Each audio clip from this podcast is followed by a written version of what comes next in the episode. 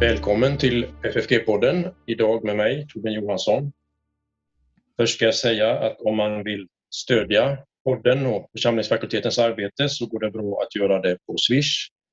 Då är numret 123 100 8457. Eller så går man in på vår hemsida och ser andra möjligheter. Detta står också i avsnittsbeskrivningen. Idag har vi kommit fram till avsnitt nummer 100 i vår podd. Och därför ska jag intervjua en speciell person, nämligen Kristoffer Helle. Välkommen till podden, Kristoffer. Tack. Det känns som jag har varit här förut. Ja, många känner igen din röst och eh, en del av din person, det är det som kommer fram när du intervjuar och samtala med andra. Men samtidigt så är nog en del nyfikna lite mer på eh, vem du är och din bakgrund. Så att, eh, därför så vore det fint om du kunde berätta lite. Eh, ja, vem, vem är du? Ja, det, det är en svår fråga. Vem är jag? Jag är eh, född i Borås Eh, och uppvuxen i Borås och bor fortfarande i Borås. Trivs väldigt bra.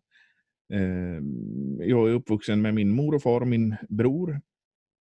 Och eh, jag kommer inte från en kristen familj utan det har kommit senare, om man ska säga så. Mm. Men ja, det är väl innan jag började med teologi så har jag jobbat som musiker. Mm. I, i många år. Gjort lite allt möjligt inom det. Där har vi bland annat ett intresse för ljud och man kan säga kring det eh, podden när det ska göras inspelningar och annat så är du alltid noggrann med ljudet. Det har du med därifrån. Ja, o ja, o ja. ja eh, eh, det är inte, liksom, musik är så mycket större än bara spela jag är, mm, är ju liksom ett, en produkt av 80-talet och de här stora produktionerna med perfekt ljud och allt, allting var tillrättalagt. Och, eh, och på den tiden så fanns det stora summor i inspelning och det gjorde det även när jag, när jag började. Och eh, man fick vara inne i riktiga studios och, eh, och spela in. Ja. Så att, ja, nej, det, och det, det var ju någonting som jag ville lära mig väldigt tidigt kände jag att just med ljud är intressant. Mm. Man kan säga, eh, jag, jag skulle säga att du är, du är nog en ljudperfektionist. Och eh, jag förstår att du lider när du inte kan sitta i studion utan ibland när vi gör Zoom-inspelningar så blir det lite ekon och fördröjningar och sådär på, på ljudet. Men det, det, det, får, det får man leva med. Ja, det, det får man göra. I, i, I dessa tider så är det svårt att få det perfekt. och man ska liksom guida den andra in i ljuddjungeln också. Det är inte alltid det lättaste. Och eh, man, man har inte samma utrustning och sånt här som, som gör att det blir ett bra ljud. Så det krävs också en bra utrustning för att det ska eh, bli ett bra ljud. Och det måste jag säga att jag är väldigt nöjd med hur vår studio på FFG har blivit. Den är jättebra. Eh. Ja, du kan säga att jag sitter i den nu och du sitter i Borås. Jag sitter i Borås, ja. Det är ju, när vi spelar in det här fortfarande, sån här pandemi, så... Ja. Så är det. Um, du sa att du inte är uppvuxen då i en, en kristen familj på, på det sättet. Uh, men kan du säga bara någonting vad du nu vill berätta om det, men din väg in i, i alltså, min, min, kristen tro?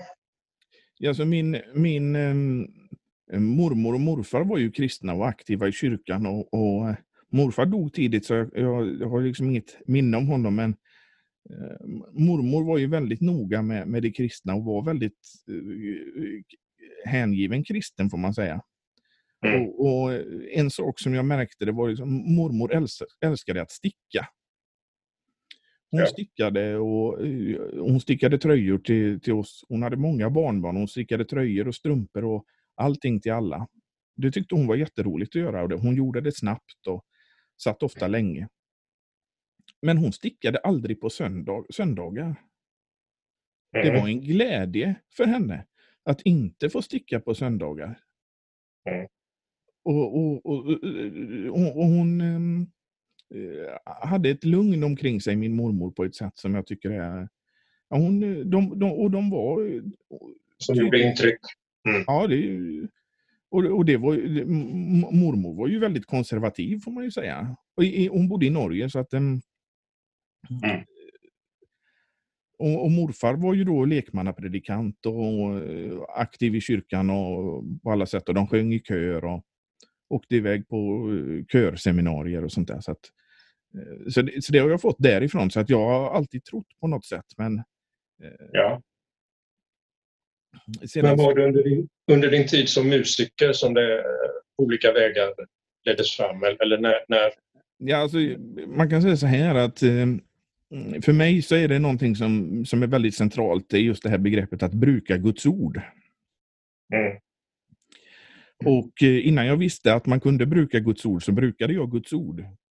Och det var under min, eh, när jag eh, konfirmerades i Borås. Men mm. Den församlingen där jag, det här var ju inte, jag kommer ju från en familj som inte var kristen.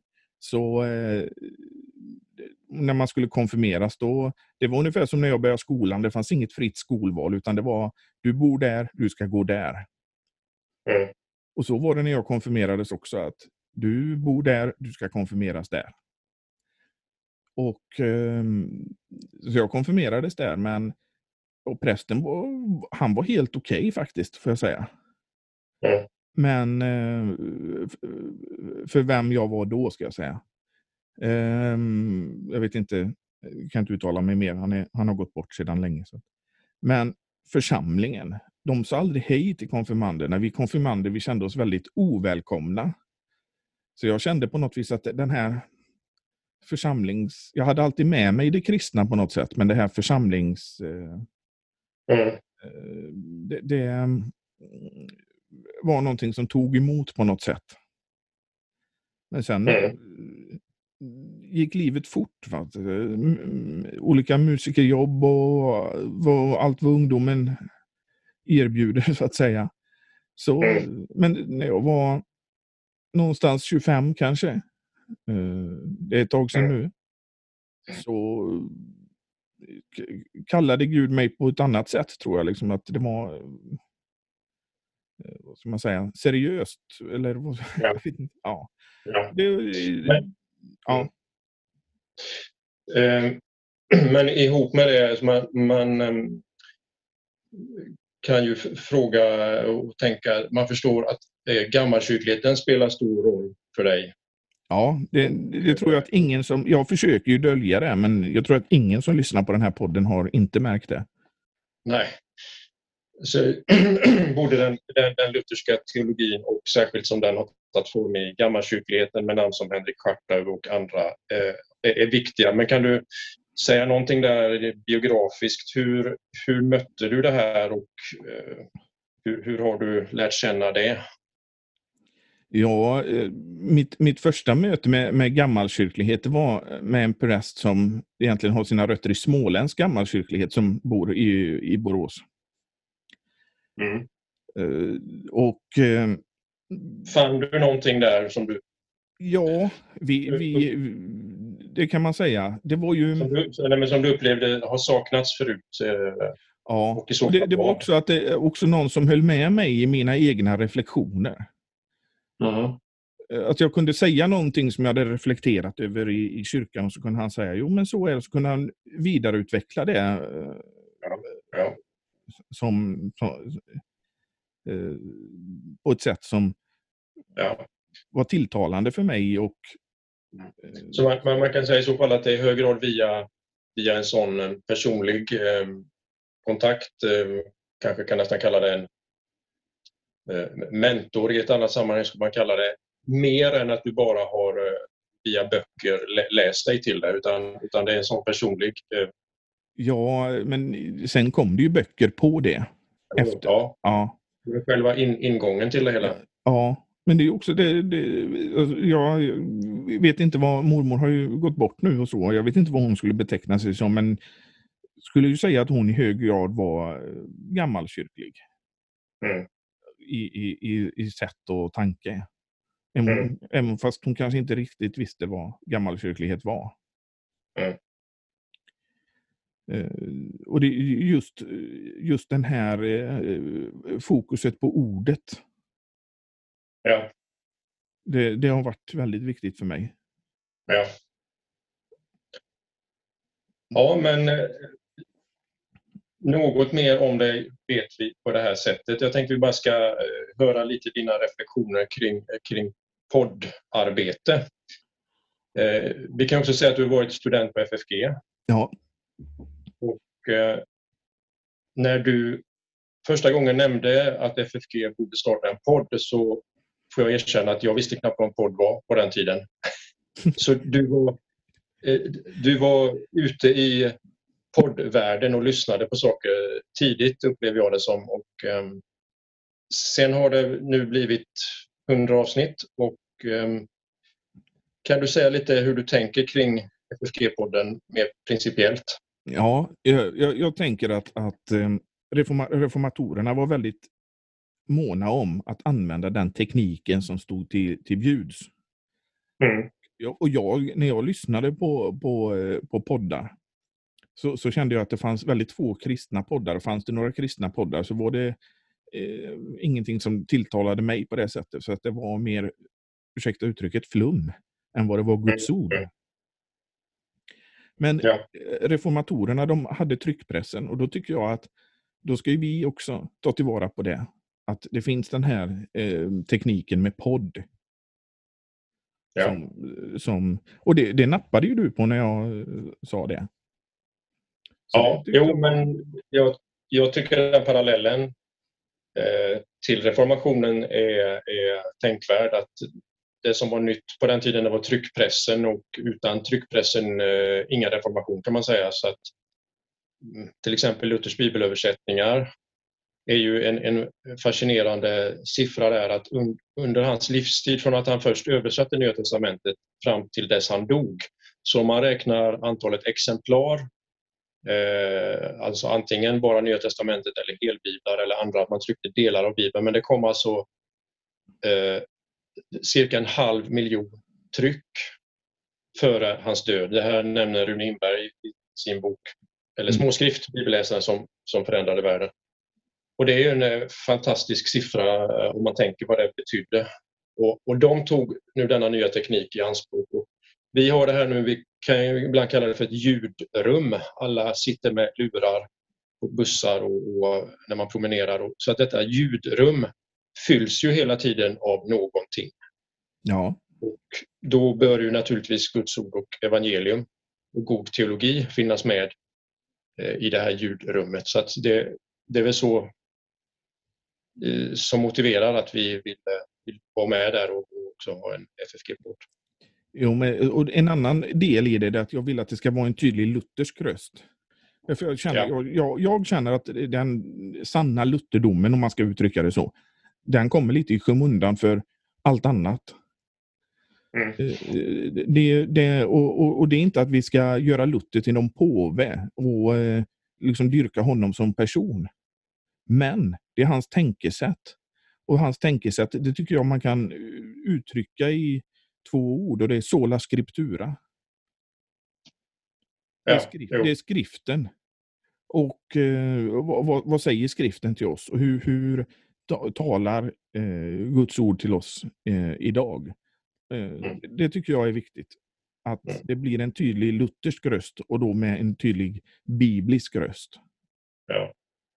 Om man tänker kring de här hundra avsnitten så har det varit eh, Eh, man kan se det som flera trådar som flätas samman. Men en sån tråd har varit serien där kring Lilla katekesen och en annan har varit mer intervjuer i olika eh, ämnen med, personer. Men den här och andra trådar finns med där vi har startat en ny nu, lås i kommuner som vi ska komma tillbaka till. Men den serien med Lilla katekesen, du har ju haft lite eh, tankar där kring vilka som ska bidra och vill du säga något om det? Ja, alltså idén eh, till, till serien om Lilla katekesen, det fick jag under ett nattvardsförhör. Och Torbjörn, vad är ett nattvardsförhör? Ja, det är när man eh, har fått ofta söndagen innan eh, prästen gick ner på gången som det hette och ibland samtalade och ibland mera själv gick igenom något inför kommande nattvardsgång. Man skulle pröva sig själv och få vägledning. Mm. Och jag fick, jag, jag fick eh, idén eh, när, eh, jag tror det var Pekka Heikkinen, eh, gick igenom Lilla katekesen. Mm. Och så mm. tänkte jag, vilken guldgruva det här är. Mm. Att man inte lyfter fram det här och, och, och, och vilken grund till, till, samtal som det här är. Mm. Och där har du också eh, eh på ett lite mera principiellt plan hur du tänker dig ett samtal. Hur, hur ser du på intervjusituationen? Ja, alltså, om, i, i serien om Lilla katekesen så har jag varit väldigt noga med vilka som får undervisa. Det måste ju vara de som är trogna mot Guds ord. Det, ja. de, det, det, vi, vi, kan inte ta in de som inte fullt ut visar att de litar på Guds ord, utan vi, ska vi undervisa i Guds ord så måste vi ta med de som litar på Guds ord, som står på den eh, biblisk-lutherska grunden klart och tydligt. Ja. Så det har varit väldigt viktigt eh, i eh, den här undervisningsserien så att säga. Ja, och där har du haft, du har ju följt ibland då katekesutvecklingar med fråga-svar och så, men ibland när du intervjuar an, andra, och även i katekesserien, men hur det här samtalet, vad, vad ser du som en, ett idealsamtal? Eh, hur, vad kännetecknar det? Jag, jag tycker att eh, det ska vara ett levande samtal. Jag förbereder mig oftast inte med eh, att jag har en massa frågor, utan eh, jag försöker ha en röd tråd istället. Där mm. eh, man får vara beredd på att det eh, kan ta olika vägar helt enkelt. Eh, ja. Så att det blir ett levande samtal, inte ett stelt samtal där två personer sitter och läser från ett papper, för då, då ger det nog inte så mycket. Nej. Utan istället att det är ett levande samtal som eh, ger någonting till lyssnaren så att lyssnaren känner att ja, jag sitter också i det här rummet och lyssnar på, på de här när de sitter och pratar om lilla katekesen och det är väldigt intressant. Eh, ja. ja. Det tycker jag är, är, väldigt viktigt. Att det blir ett levande samtal och inte ett eh, dött samtal. För att om det är bara frågor och svar, då kan man lika väl gå köpa katekesutvecklingen och sitta och läsa den. Ja. Eller um, ja. annan. Några andra tankar kring podden som du vill, eh, vill dela? Ja, jag tycker att det, vi har en eh, intressant framtid eh, till mötes med podden. Nu har vi börjat med en ny serie efter Lilla katekesen med Låsi kommunes. Ja. Och det ser jag fram emot.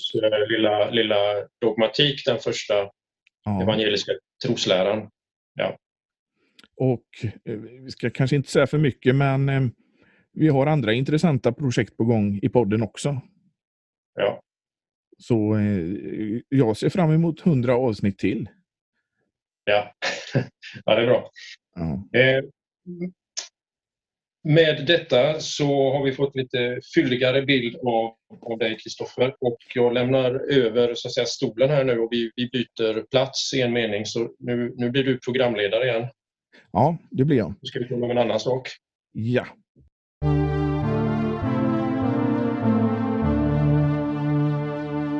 Och eh, vi ska tala om eh, eh den, eh, den här nya boken som har kommit, Betelbekännelsen 1933, ett lutherskt försök.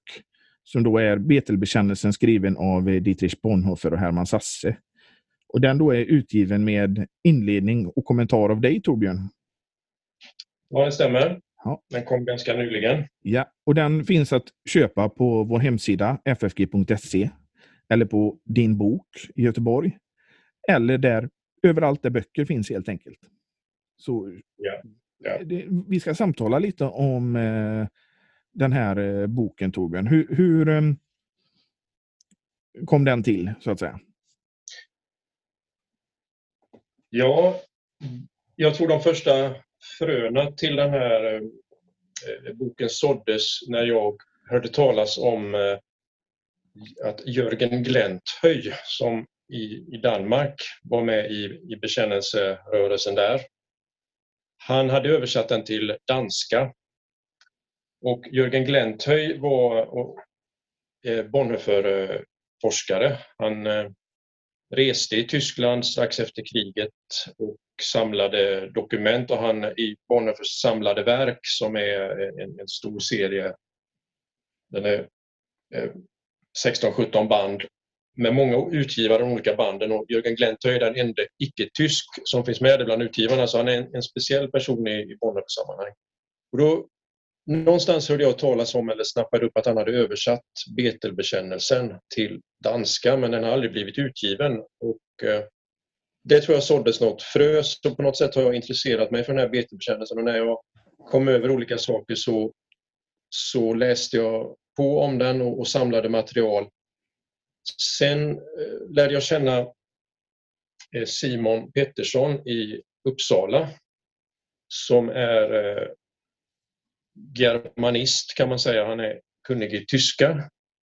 Och jag frågade honom vid ett tillfälle om han kunde tänka sig översätta den till svenska. Och det tackade han ja till och har jobbat med. Och sen blev det liggande ett tag. Man kan nog säga att Corona bidrog till att det blev tid och utrymme att, att färdigställa det här. För att, eh, det är ju då själva texten, och översättningen.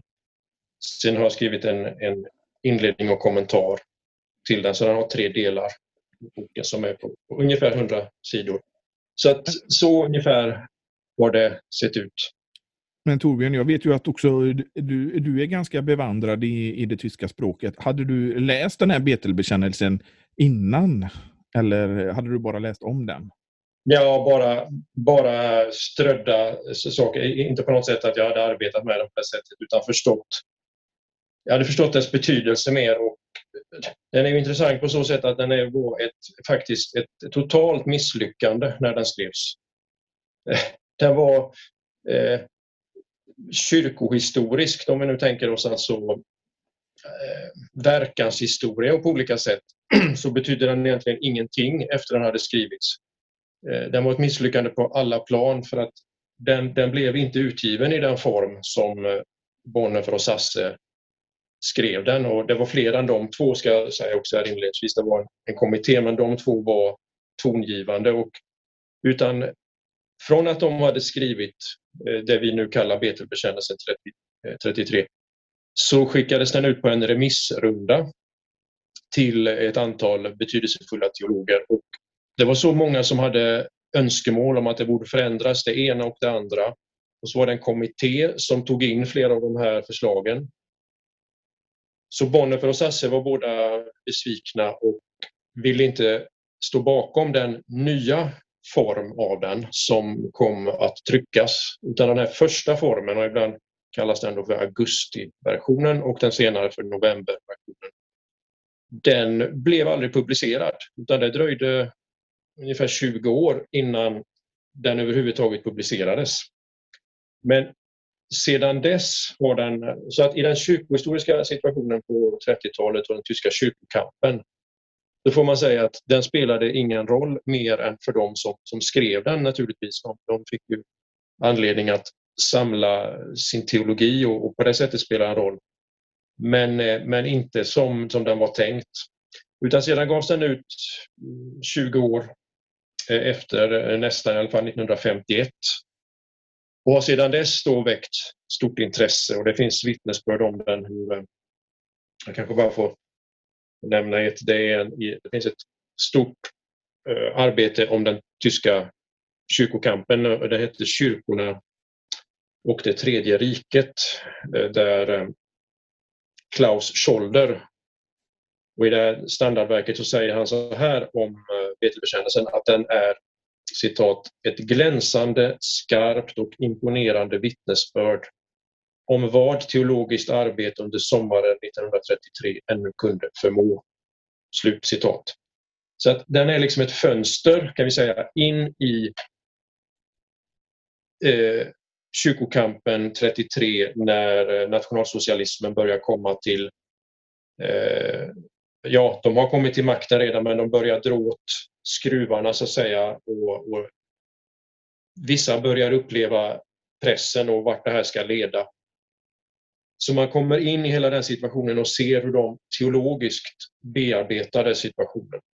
Så på så sätt är den eh, eh ytterst intressant och en del menar att den, även om den inte skrevs och fick någon verkan i 33 så är den på ett sätt skriven till senare tider som får uppleva totalitära system, bland annat. Ett, ett namn som eh, ofta återkommer i den här boken som vi kanske behöver ta direkt, eh, det är ju Karl Barth. Ja. Barth, han gjorde ju sin egen eh, bekännelse eller vad man ska säga, mot nationalsocialismen sen, som var ett försök kan man säga till att göra den ekumenisk. Jo, Karl Barth nämns här på flera ställen. Um, man kan säga så här att eh, det som Betelbekännelsen försökte göra det lyckades man eh, året därefter, nämligen eh, 34 då med det som kallas för Barmenförklaringen. Och den har Karl Barth då som sin huvudarkitekt. Det var också en, en grupp med lutherska och reformerta teologer som formulerade Barmenförklaringen.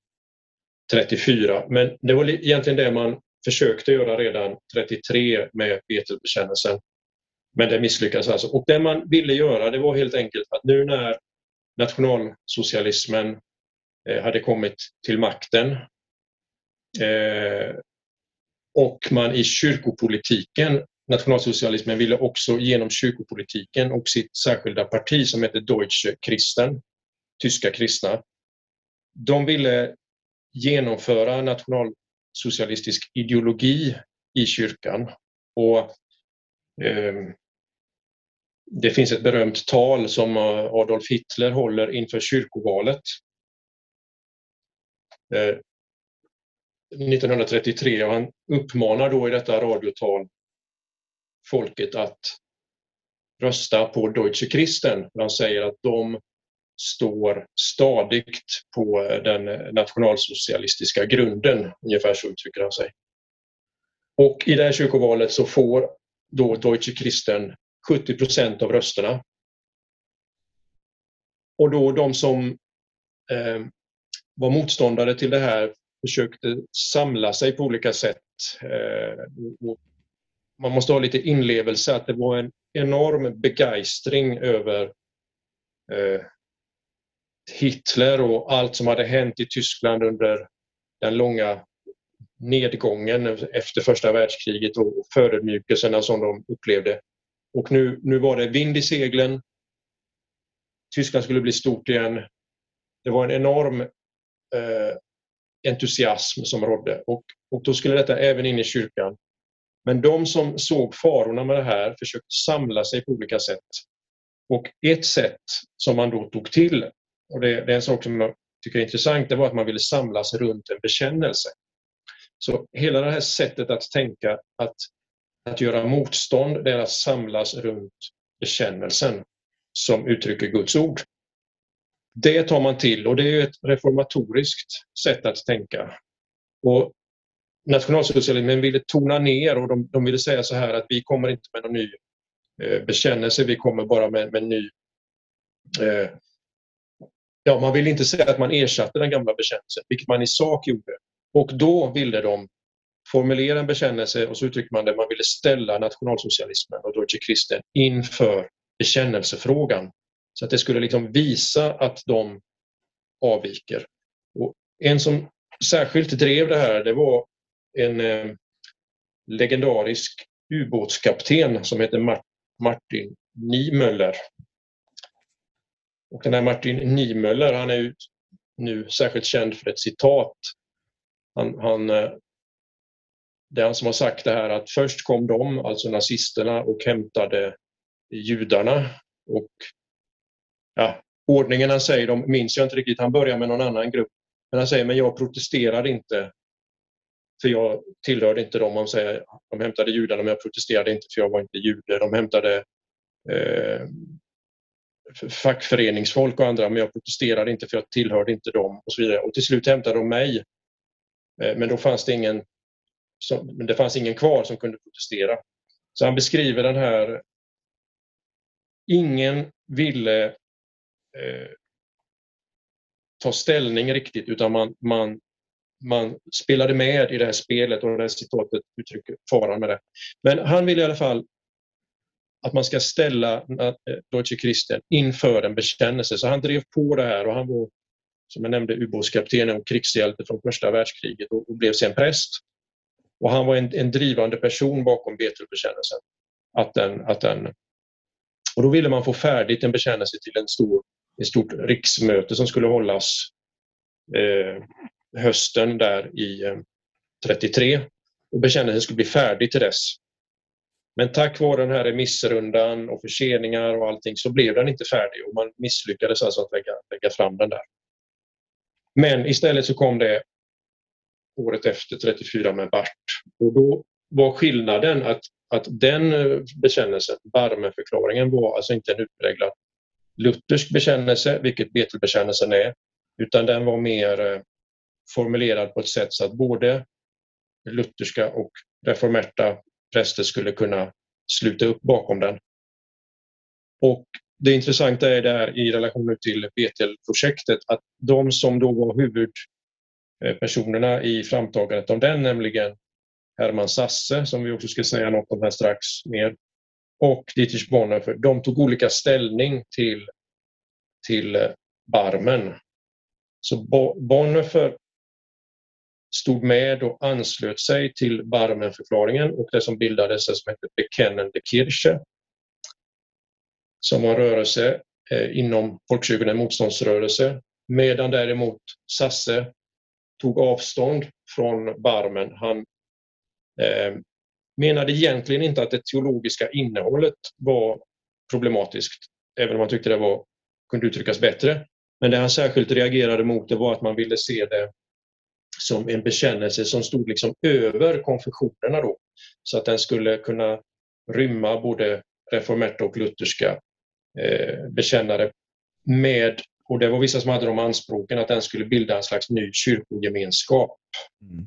Och det reagerade Sasse mot och menade att de här försöken till att uniera reformärt och lutherskt eh, är dömda att misslyckas och han varnade hur det hade gått tidigare i den eh, preussiska unionskyrkan. Så att han, han tog avstånd och kritiserade istället Barmenförklaringen. Men det är intressant att de här två personerna som samarbetar 33 och står samman här i sin lutherska bekännelse drar olika slutsatser inför Barmen. Så att, eh, det var också en sak som för övrigt väckte mitt intresse här att Bonhoeffer och Sasse som ofta associeras till olika sammanhang samarbetade där 33.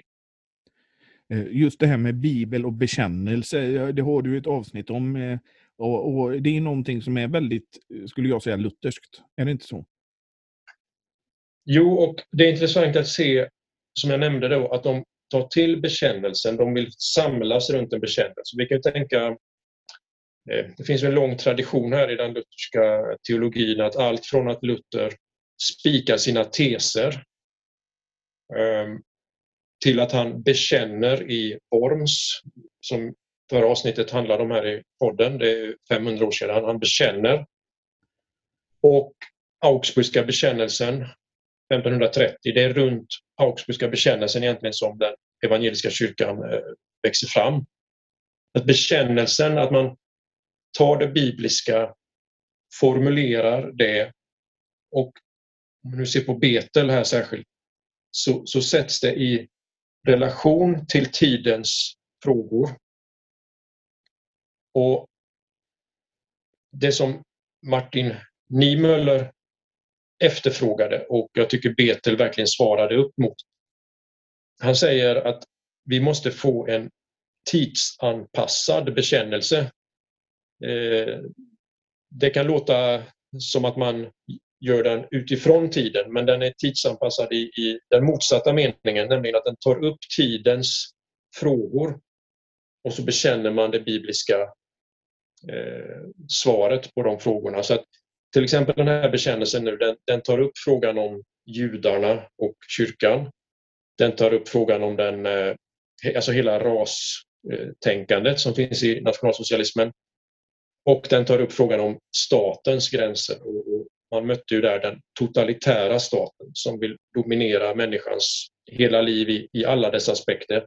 De frågorna tar man upp, men det intressanta är att man från själva bekännelsens centrum, bekännelsen på, till, till Fadern, Sonen och Anden, till skriften alena, eh, nåden alena. Utifrån det så behandlar man samtidigt frågor, så det vävs liksom ihop klassiskt bekännelseinnehåll och dagsaktuella frågor. Så man använder sig av bekännelsen på det sättet. Man, alltså den traditionella reformatoriska bekännelsen, den, den är som ett levande redskap som de, som de då kan bearbeta situationen de befinner sig i. Och det, det är ett drag där i, i Betelbekännelsen som jag tycker är ganska påtagligt. Man kan tänka sig motsatsen, alltså dikena är att om man bara eh, upprepar bekännelsen eh, som vi har där från 500-talet, alltså bara helt enkelt eh, säger samma sak. Eller det andra, om man bara listar fel och problem i, i, i samtiden. Men här så tar man fram den och bekänner den och samtidigt analyserar med hjälp av den Ehm, för att bara ta ett exempel. Ett stort problem på 1500-talet var ju frågan om det, det, bekännelsen kallas svärmeri. Och svärmeri är ju att man tror att Gud talar utanför skriften. Eh, på ett sätt som, som gäller alla. Och det här att Gud, Guds ord på det här allmängiltiga sättet finns i den heliga skrift. Det, det var en stor fråga där på reformationstiden. Dels var det om Gud hade talat i den uppskrivna traditionen som, som eh, Rom menade och dels var det om man talade eh, direkt in i människans hjärta som eh, de Luther kallar svärmare menade. Och nu på 30-talet så fanns den här tanken som eh, som kunde uttryckas på lite olika sätt, men den gick ut på att Gud talade genom folket. Så att folkets vilja ytterst sett då kanaliserat in i, i, i ledningen för folket. Och om ledningen nu var en fyrer så kunde det draget till sin spets bli att man såg fyrens röst, Hitlers röst, som Guds röst. Om inte direkt så åtminstone i, i inriktning och ledning och man såg man sig förpliktigad också utifrån att man ska lyda överheten att följa detta. Mot det här så kommer nu skriften alena i ett, i ett nytt ljus. Den får liksom en ny aktualitet och en ny tillämpning. Man säger att folkets röst eh, kan vi inte sätta likhetstecken med, med Guds röst. Och så citerar man, det finns ett väldigt starkt avsnitt. Jag kan bara få citera det även om det här blir en, en lång utläggning, men, men det är där i inledningen. Till bekännelsen så säger man att eh, Jo, vi har ett citat och det är på sidan 50 om man vill eh, se det i boken sedan. Där säger man så här, och bekännelsen är också uppbyggd, ska jag säga, på det sättet som Concordia-formen i de lutherska bekännelseskrifterna är uppbyggd, att man först bekänner och sen vad man förkastar. Så man säger både ja och nej. Och nu i saker man förkastar här när det gäller hur vi kan veta något om Gud, om eh, gudskunskap. Eh, rubriken är skapelsetro och naturlig kunskap. Så kommer en sak man förkastar formulerat så här. Vi förkastar villoläran att folkets röst skulle vara Guds röst såsom en svärmisk historietolkning. Folkets röst ropar Hosianna och korsfäst honom. Då skriade de åter alla och sa, inte honom utan Barabbas. Så att folkrösten kallar man att försöka tyda den och följa den och att folket nu har, har makt över kyrkans bekännelse ser man alltså som ett dödligt hot. Och eh, det intressanta i relation till bekännelsen är att man kallar det för en svärmisk historietolkning. Mycket intressant, ja.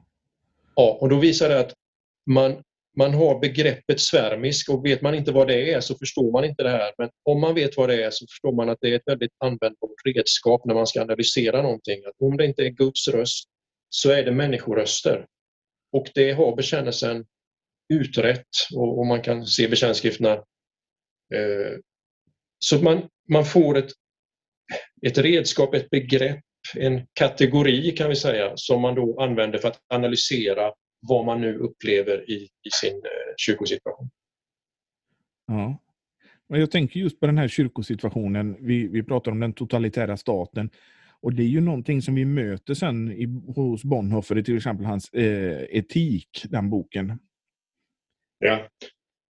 Man kan säga att det är ett, ett stort och genomgående tema och om vi tänker på hela 1900-talets eh, historia med, med de stora totalitära försöken där staten ska eh, bli allt i en mening. Vi, vi har det både i nationalsocialism, vi har det i, i kommunism och vi har det på olika sätt även i vår samtid, vilket vi inte ska gå för djupt in här nu kanske för då kommer vi inte vidare, men, men staten vill på något sätt hela tiden utöka sina Eh, sina områden och omsluta människan. Och I nationalsocialismen var det här helt öppet. Man ville verkligen eh, omsluta människans liv från, från vaggan till graven med eh, massiv indoktrinering. Många känner till till exempel Hitlerjugend som ju blev en slags motsvarighet till konfirmationen.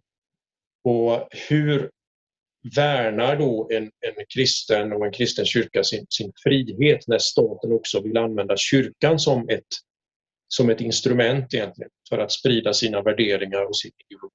Det är där Betelbekännelsen kommer in och de här eh, sola scriptura kommer in eh, i, en, i en på ett sätt ny situation för på 1500-talet var det inte den, den totalitära staten som var hotet men det är samma egentligen på ett principiellt plan. Att någonting vill ersätta vad Gud har sagt om det ena och det andra. Mm. Och ehm, De här två, eh, Bonhoeffer och Sasse, det gick ju inte, de gick lite olika vägar. Du nämnde det innan, men... Eh, mm. Ja, jag bara säga något mer om Herman Sasse. Han är ju ganska okänd i, i Sverige får man säga. Bonhoeffer är, är, är, välkänd. Däremot tror jag inte den här Bonhoeffer, det vill säga som eh, författare till en luthersk bekännelseskrift, är särskilt känd i Sverige. Eh, ehm, och Sasse är, är känd i vissa kretsar men han är, han är ju han flyttade efter kriget till eh, Australien Eh, och därifrån, via sina skrifter, har han spelat en väldigt stor roll i eh, de har översatts till, till engelska och i, till exempel i Missouri-synoden och många luthersk-konfessionella kyrkor är Herman Sasse en av 1900-talets viktigaste teologer. Och det är intressant då eh, Bonhoeffer och Sasse, det skiljer ungefär tio år mellan dem. Sasse var alltså äldre. Och de hade en ganska likartad väg så att de eh, läste båda två teologi i Berlin under liberalteologins eh, glansperiod kan man säga och strax och, efter det. Och bägge, två, ja. och bägge två ville väl ta avstånd från det sen. Det, det är väl det som är lite av deras... Ja. Eh, så ja. Bägge två blev skolade i Berlin som var en man säga, extremt gedigen eh, utbildning på det sättet att de verkligen fick, fick läsa källor och, och lära sig mängder av saker. Men, men teologiskt sett så var den ju eh, verkligt eh, liberal, det är det vi kallar liberalteologi i, i teologihistorisk mening här med Adolf von Harnack som kanske är det viktigaste namnet. Så att även om de kom in lite efter, det var lite senigt, hade lite passerat ska man säga. Men det var ändå det som var det stora och, och von Harnack, alltså om vi bara tänker på några saker i hans teologi. Han, han drev ju och ville verkligen att Gamla testamentet skulle avskaffas som helig skrift i kyrkan. Eh, han, han menar att Jesu Nya testamentets budskap kan reduceras till vad han kallade Jesu enkla lära. som man då med historisk kritisk metod kunde, kunde komma fram till. Och de stora klassiska dogmerna eh, försvann ju då. De, så både Bonhoeffer och Sasse inser att den här teologin är en återvändsgränd. Och bägge vänder sig till något annat, nämligen till, den, till Luther, till den lutherska traditionen. Och så förenas de här, som sagt, 33 i, i det här och sen går de olika vägar 34. Sen finns det, jag skriver lite mer om det i boken, deras, hur man kan se på deras fortsatta relation till varandra. Bägge förblir lutherska men av olika snitt kan man säga. Då. Eh, men jag bara, jag bara citera en sak som Sasse säger om den här tiden i, i det liberalteologiska. Han, eh, båda två kan man säga framhåller Harnaks storhet på olika sätt samtidigt som bägge är teologiskt sett då, så småningom väldigt kritiska och tar avstånd från det. Så han säger så här om eh, Sasse säger så här om von Harnack. Kanske måste man ha varit hans student och under år ha upplevt hans personlighets charm, hans tankes briljans och hans gåva att undervisa för att förstå hela djupet i denna tragedi. Han kommer heller inte att leva vidare som teolog. Det som återstår av hans arbete är viktiga historiska konstateranden men alla hans teologiska idéer är redan föråldrade. Så säger han en, del, eh, en tid efter och tragedin han talar om det är att han menar att Harnack verkade som teolog, säger Sasse, utan att någonsin förstå vad teologi i djupare mening är. Så mm. bägge söker sig nya vägar och bägge två hade fått eh, läsa Luther där i Berlin. Till exempel om vi tar Bonner för han hade läst Luther för eh, en annan då väldigt känd professor, idag mindre känd än von Harnack, han hette Karl Holl och han inledde då Lutherrenässansen. Så de läste källtexter där. Och eh, det var via de här vägarna som man sökte, man, man orienterade i, i, nya riktningar än det man hade som student helt enkelt.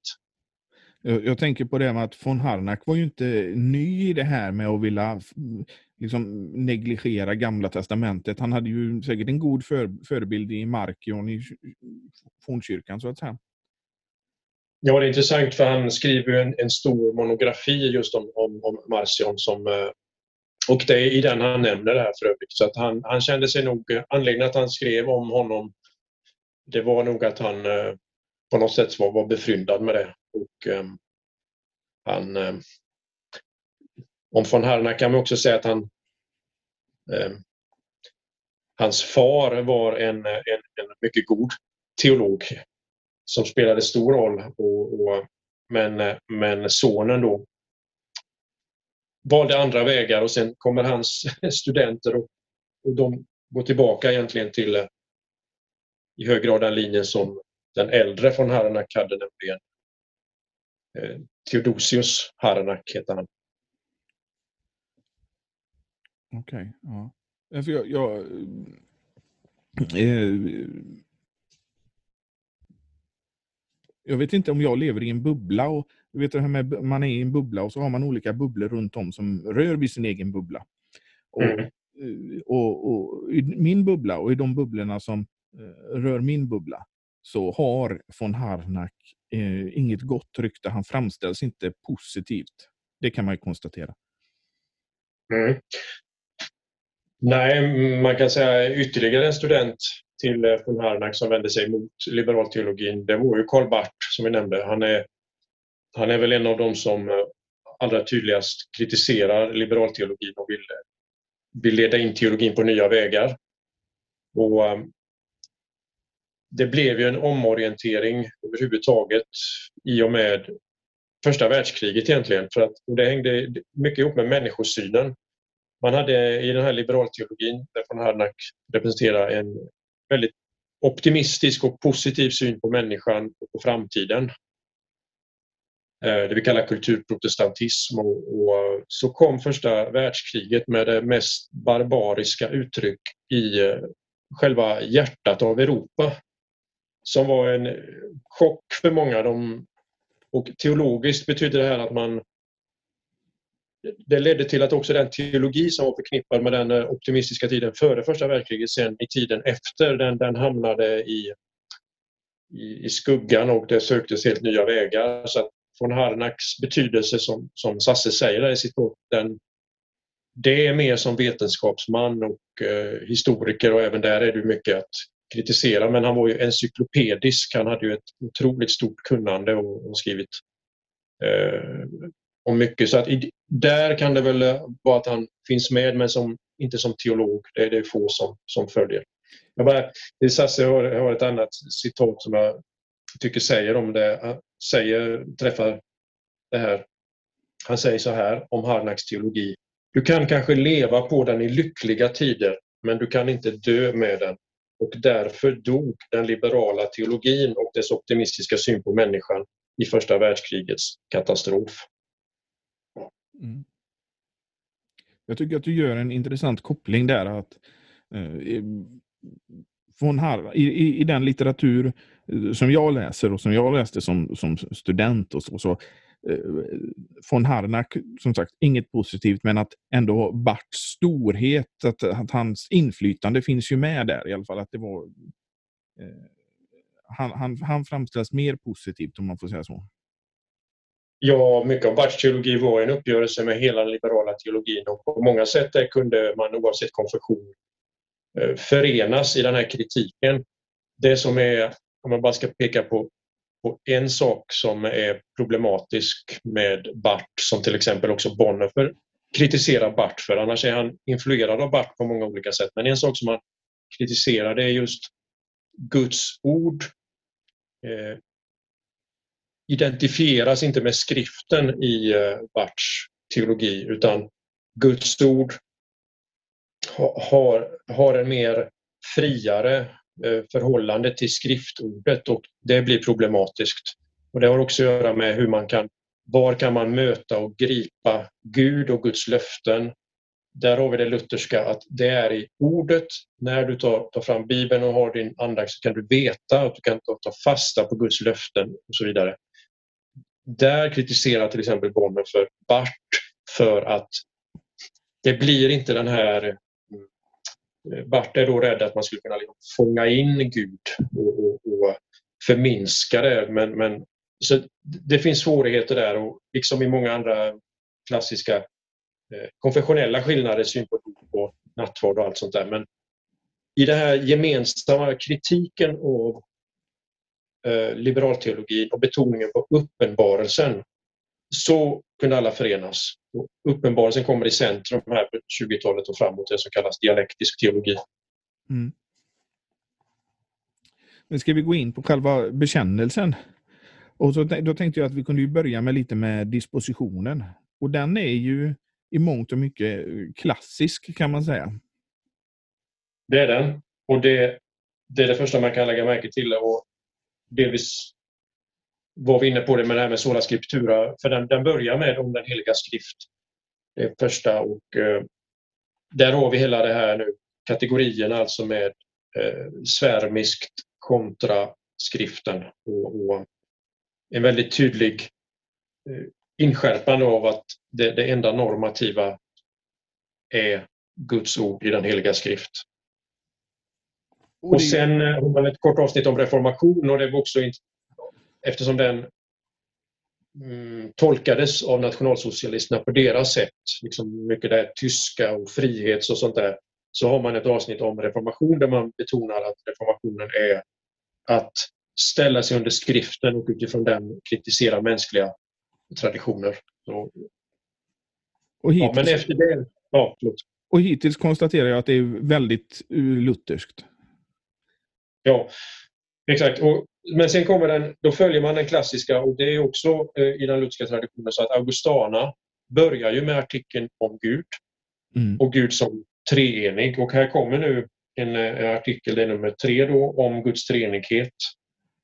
Och det är viktigt att se att man följer den här strukturen, hur den är uppbyggd och sen talas det om skapelse och synd i artikel 4. Man kan jämföra med Augustana, hur den följer där arvsynden kommer i artikel 2, rättfärdigelsen i artikel 4 och så vidare. Och sen kommer artikel 5 om Kristus och artikel 6 om den heliga Ande och kyrkan. Så att så är den uppbyggd.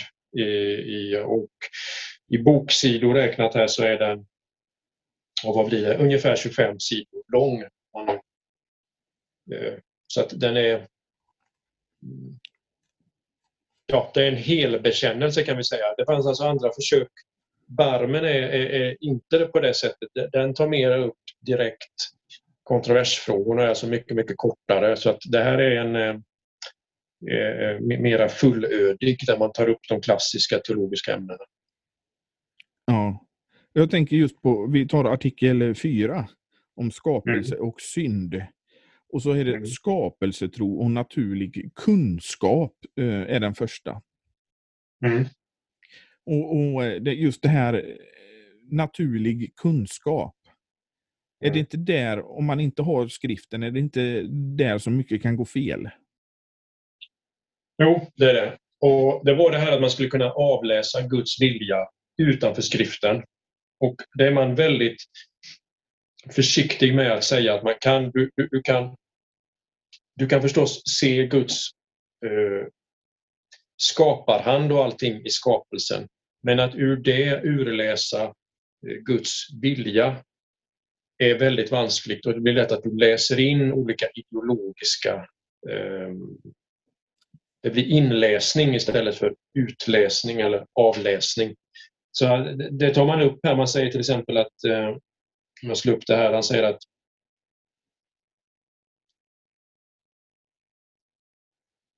man kan förstå, säger man, att det finns en, en världsgrund, att det finns en, en orsak. Man kan komma en bit på väg men man kan aldrig förstå utifrån bara den naturliga uppenbarelsen Gud som fader och skapare i Bibelns mening. Till det måste man ha skriften. Så man kan säga att det var en förlängning av den naturliga gudskunskapen i skapelsen som man i national, i Deutsche Christen, man förlängde det och sa att Gud uppenbarar sig inte bara i, skapelsen så att vi kan se hans storhet i den, vilket eh, var klassisk naturlig teologi, utan man förlängde det till att vi kan också se hans vilja i folkens liv som jag nämnde. Och även i historiska händelser så att kyrkan då, präster i kyrkan tolkade historiska händelser som Guds vilja för det ena och för det andra.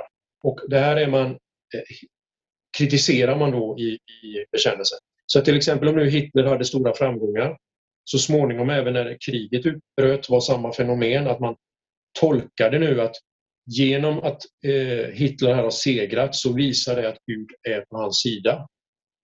Så man menade sig ha förmågan att kunna utläsa Guds vilja i politiskt liv, samhällsliv, folkets vilja. Så man tänjer ut kan vi säga hela den naturliga uppenbarelsen då. Det fanns en teologi bakom det här som också nämnde i kommentaren som man talar om en folklag, en folknomos med det grekiska ordet för, för lag. Och det gick i hög grad ut på att man, man skulle kunna avläsa Guds vilja i, eh, utanför skriften. Och när det till och med då placeras över skriften eller den, den skjuts åt sidan så leder det riktigt fel. Och där har vi tankar kring raserna och den ariska rasens överlägsenhet och sånt som man också försökte motivera teologiskt. Ja. Och eh, ordningarna kommer sen i den här där finns det också en del, tycker jag, i, i den här som är lite signifikant. Ordningarna var ett jättecentralt teologiskt begrepp på den här tiden. Man talar om Guds skapelseordningar. Och det var bland annat utifrån dem som man, man försökte också eh, eh, ge ras en, en väldigt viktig teologisk betydelse. Och här så säger man eh, till exempel i det här avsnittet nu om ordningarna, att det moderna begreppet ras, om det talar varken Bibeln eller bekännelseskrifterna.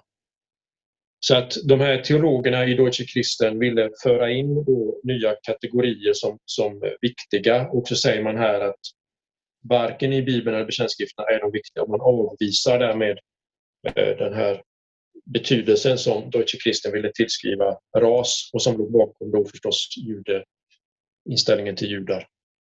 Mm. Och sen kommer då eh, lagen och synden. I om, som är de sista tre, fyra i om skapelse och synd. Ja.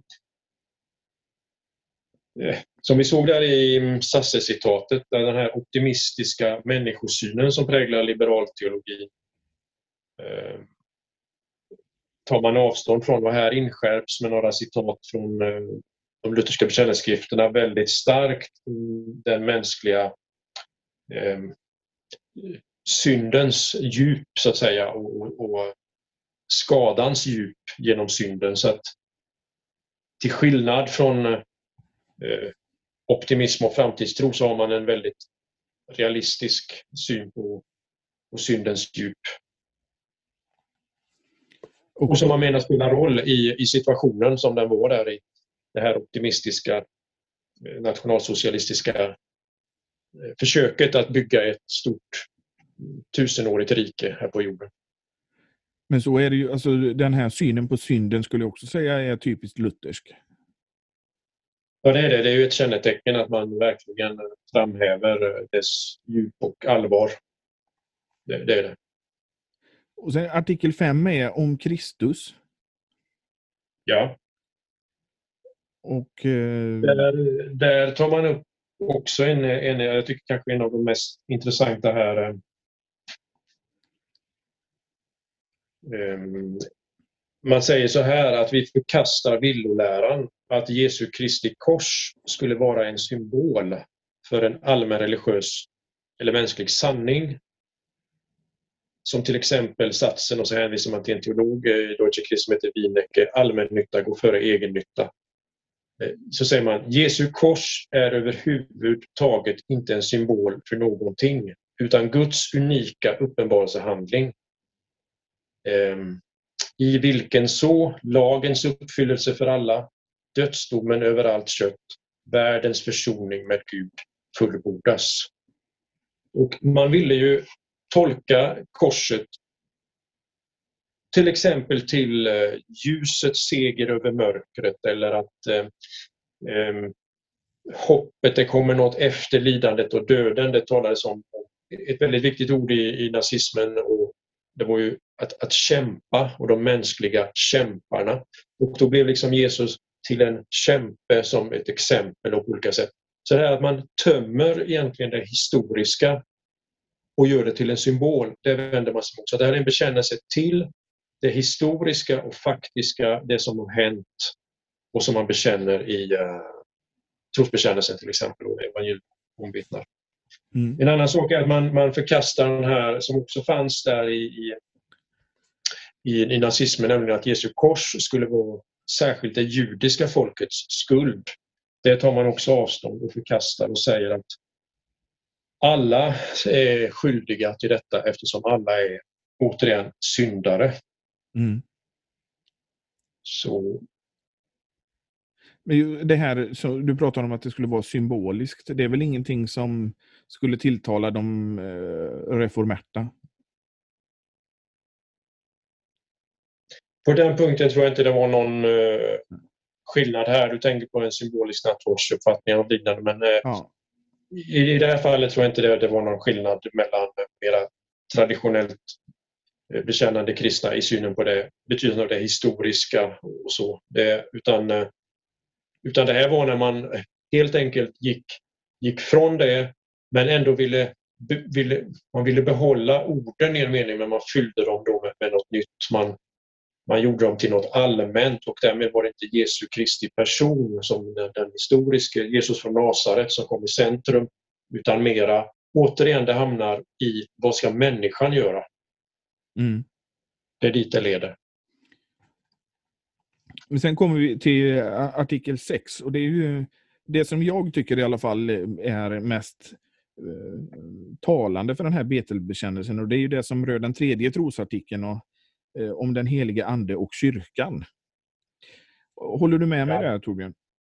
Ja, det, det är i hög grad här nu fokus hamnar. Det finns viktiga saker hela vägen men här kommer nu eh, Ehm, alltså vad man tittar i innehållsförteckningen på olika underrubriker så kommer här de här tunga då om, om kyrka och stat och kyrka och judarna. Så att eftersom den heliga Ande och kyrkan, eh, där kommer nu några av de riktigt specifika sakerna i bekännelsen, absolut.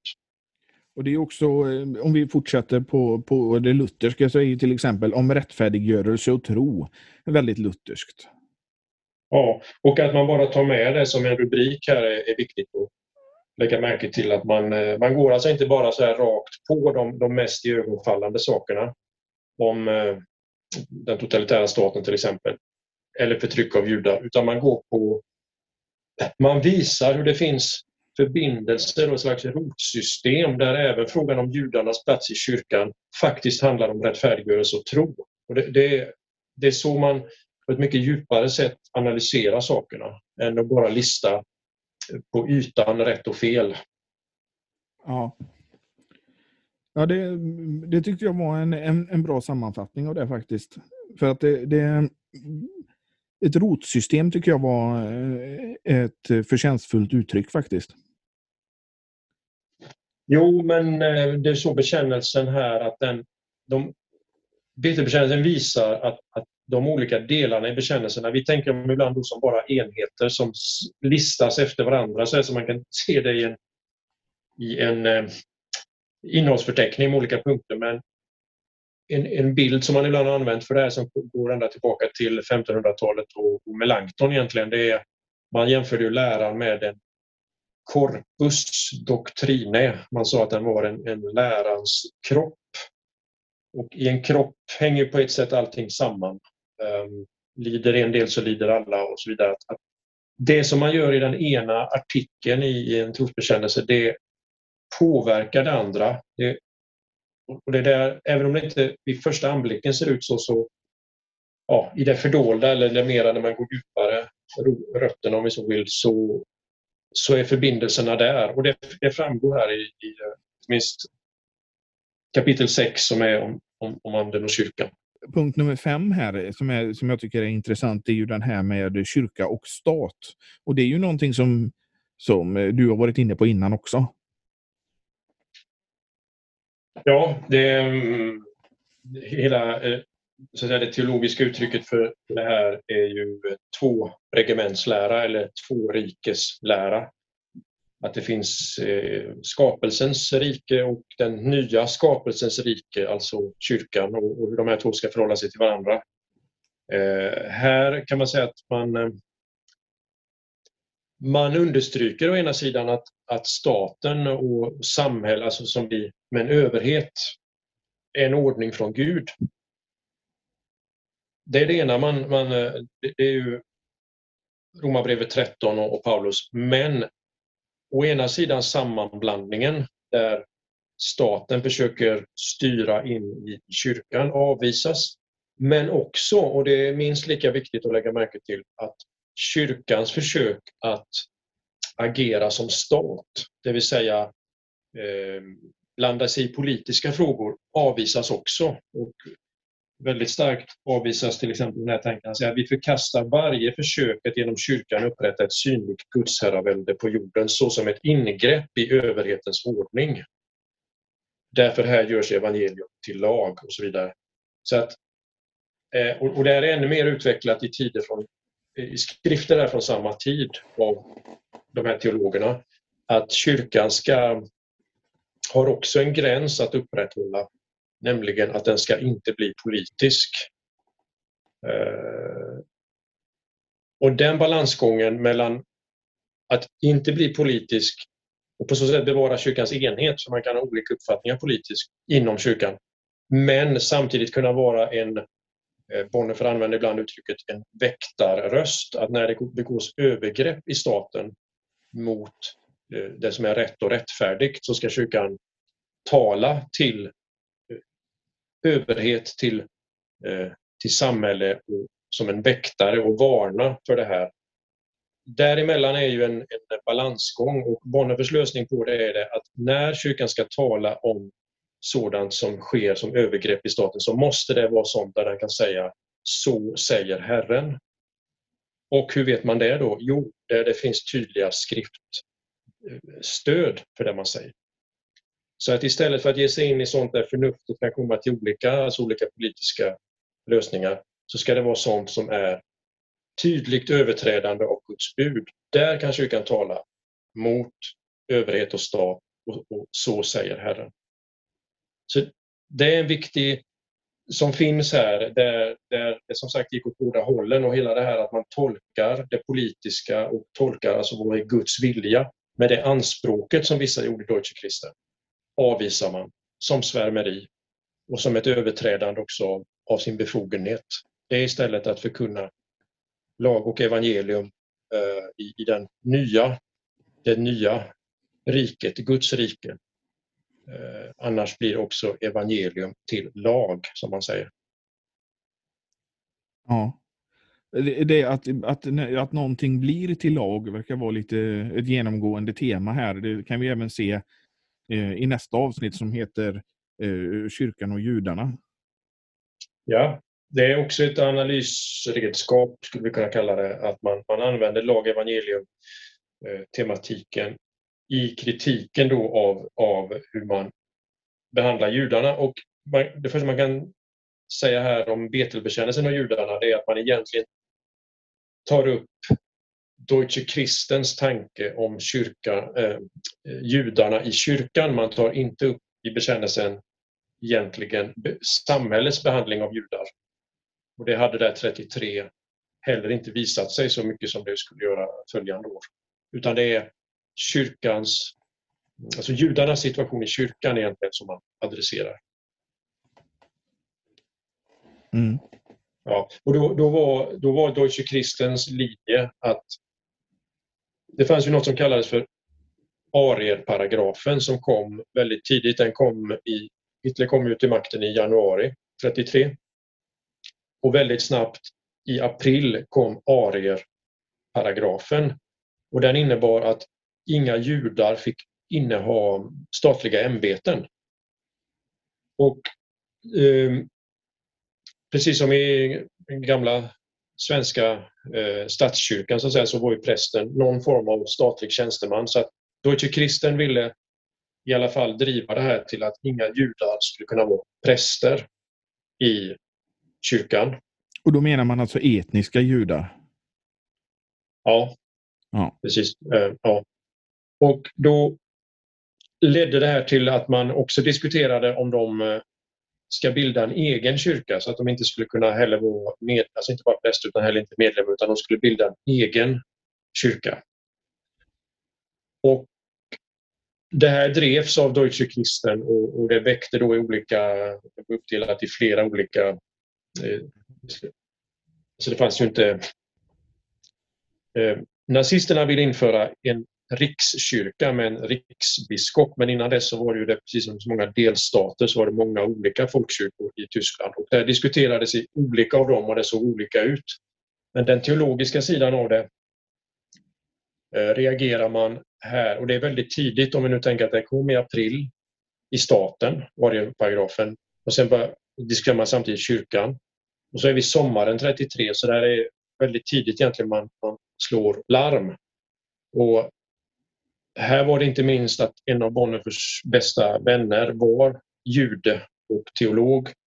Och det skulle, så att han kom väldigt nära det här. Eh, och det var väl en av orsakerna till att han reagerar också så snabbt.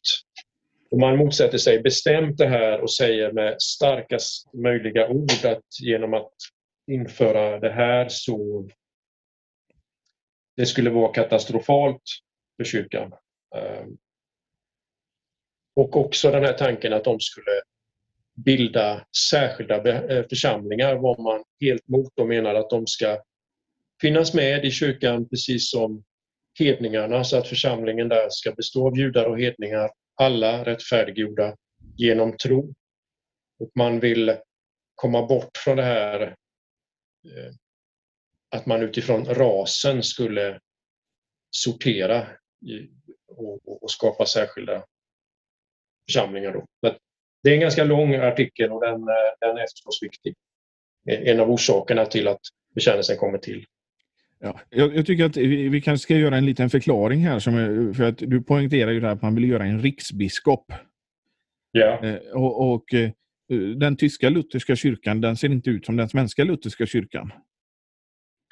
Nej, det var ju det var en intressant sak som belyser också mötet med nationalsocialismen därför att där är ju Führertanken, ledartanken, en, en, en helt grundläggande idé att en väldigt hierarkisk uppbyggnad och i toppen av den har du ledaren, Führern, Hitler. Då.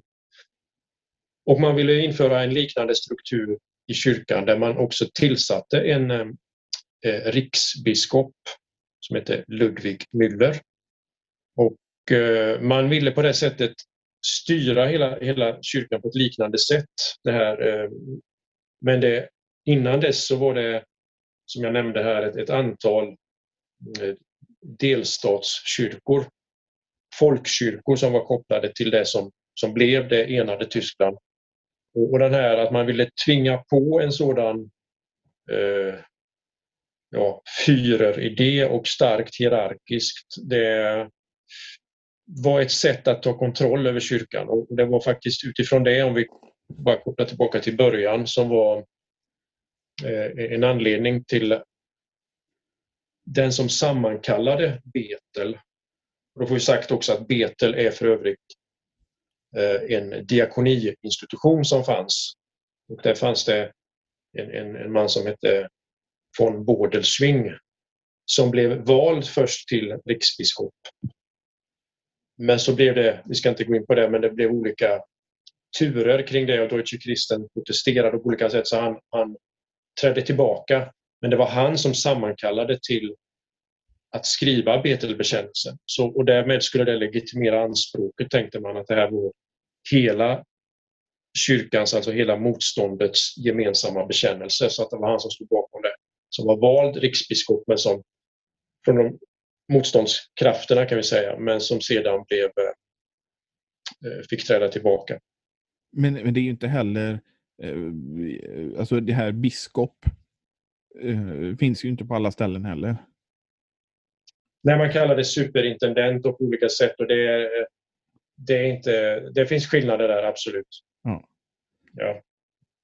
Eh, ja, Torbjörn, vi har pratat en lång stund nu. Först har du pratat med mig och sen har jag pratat med dig.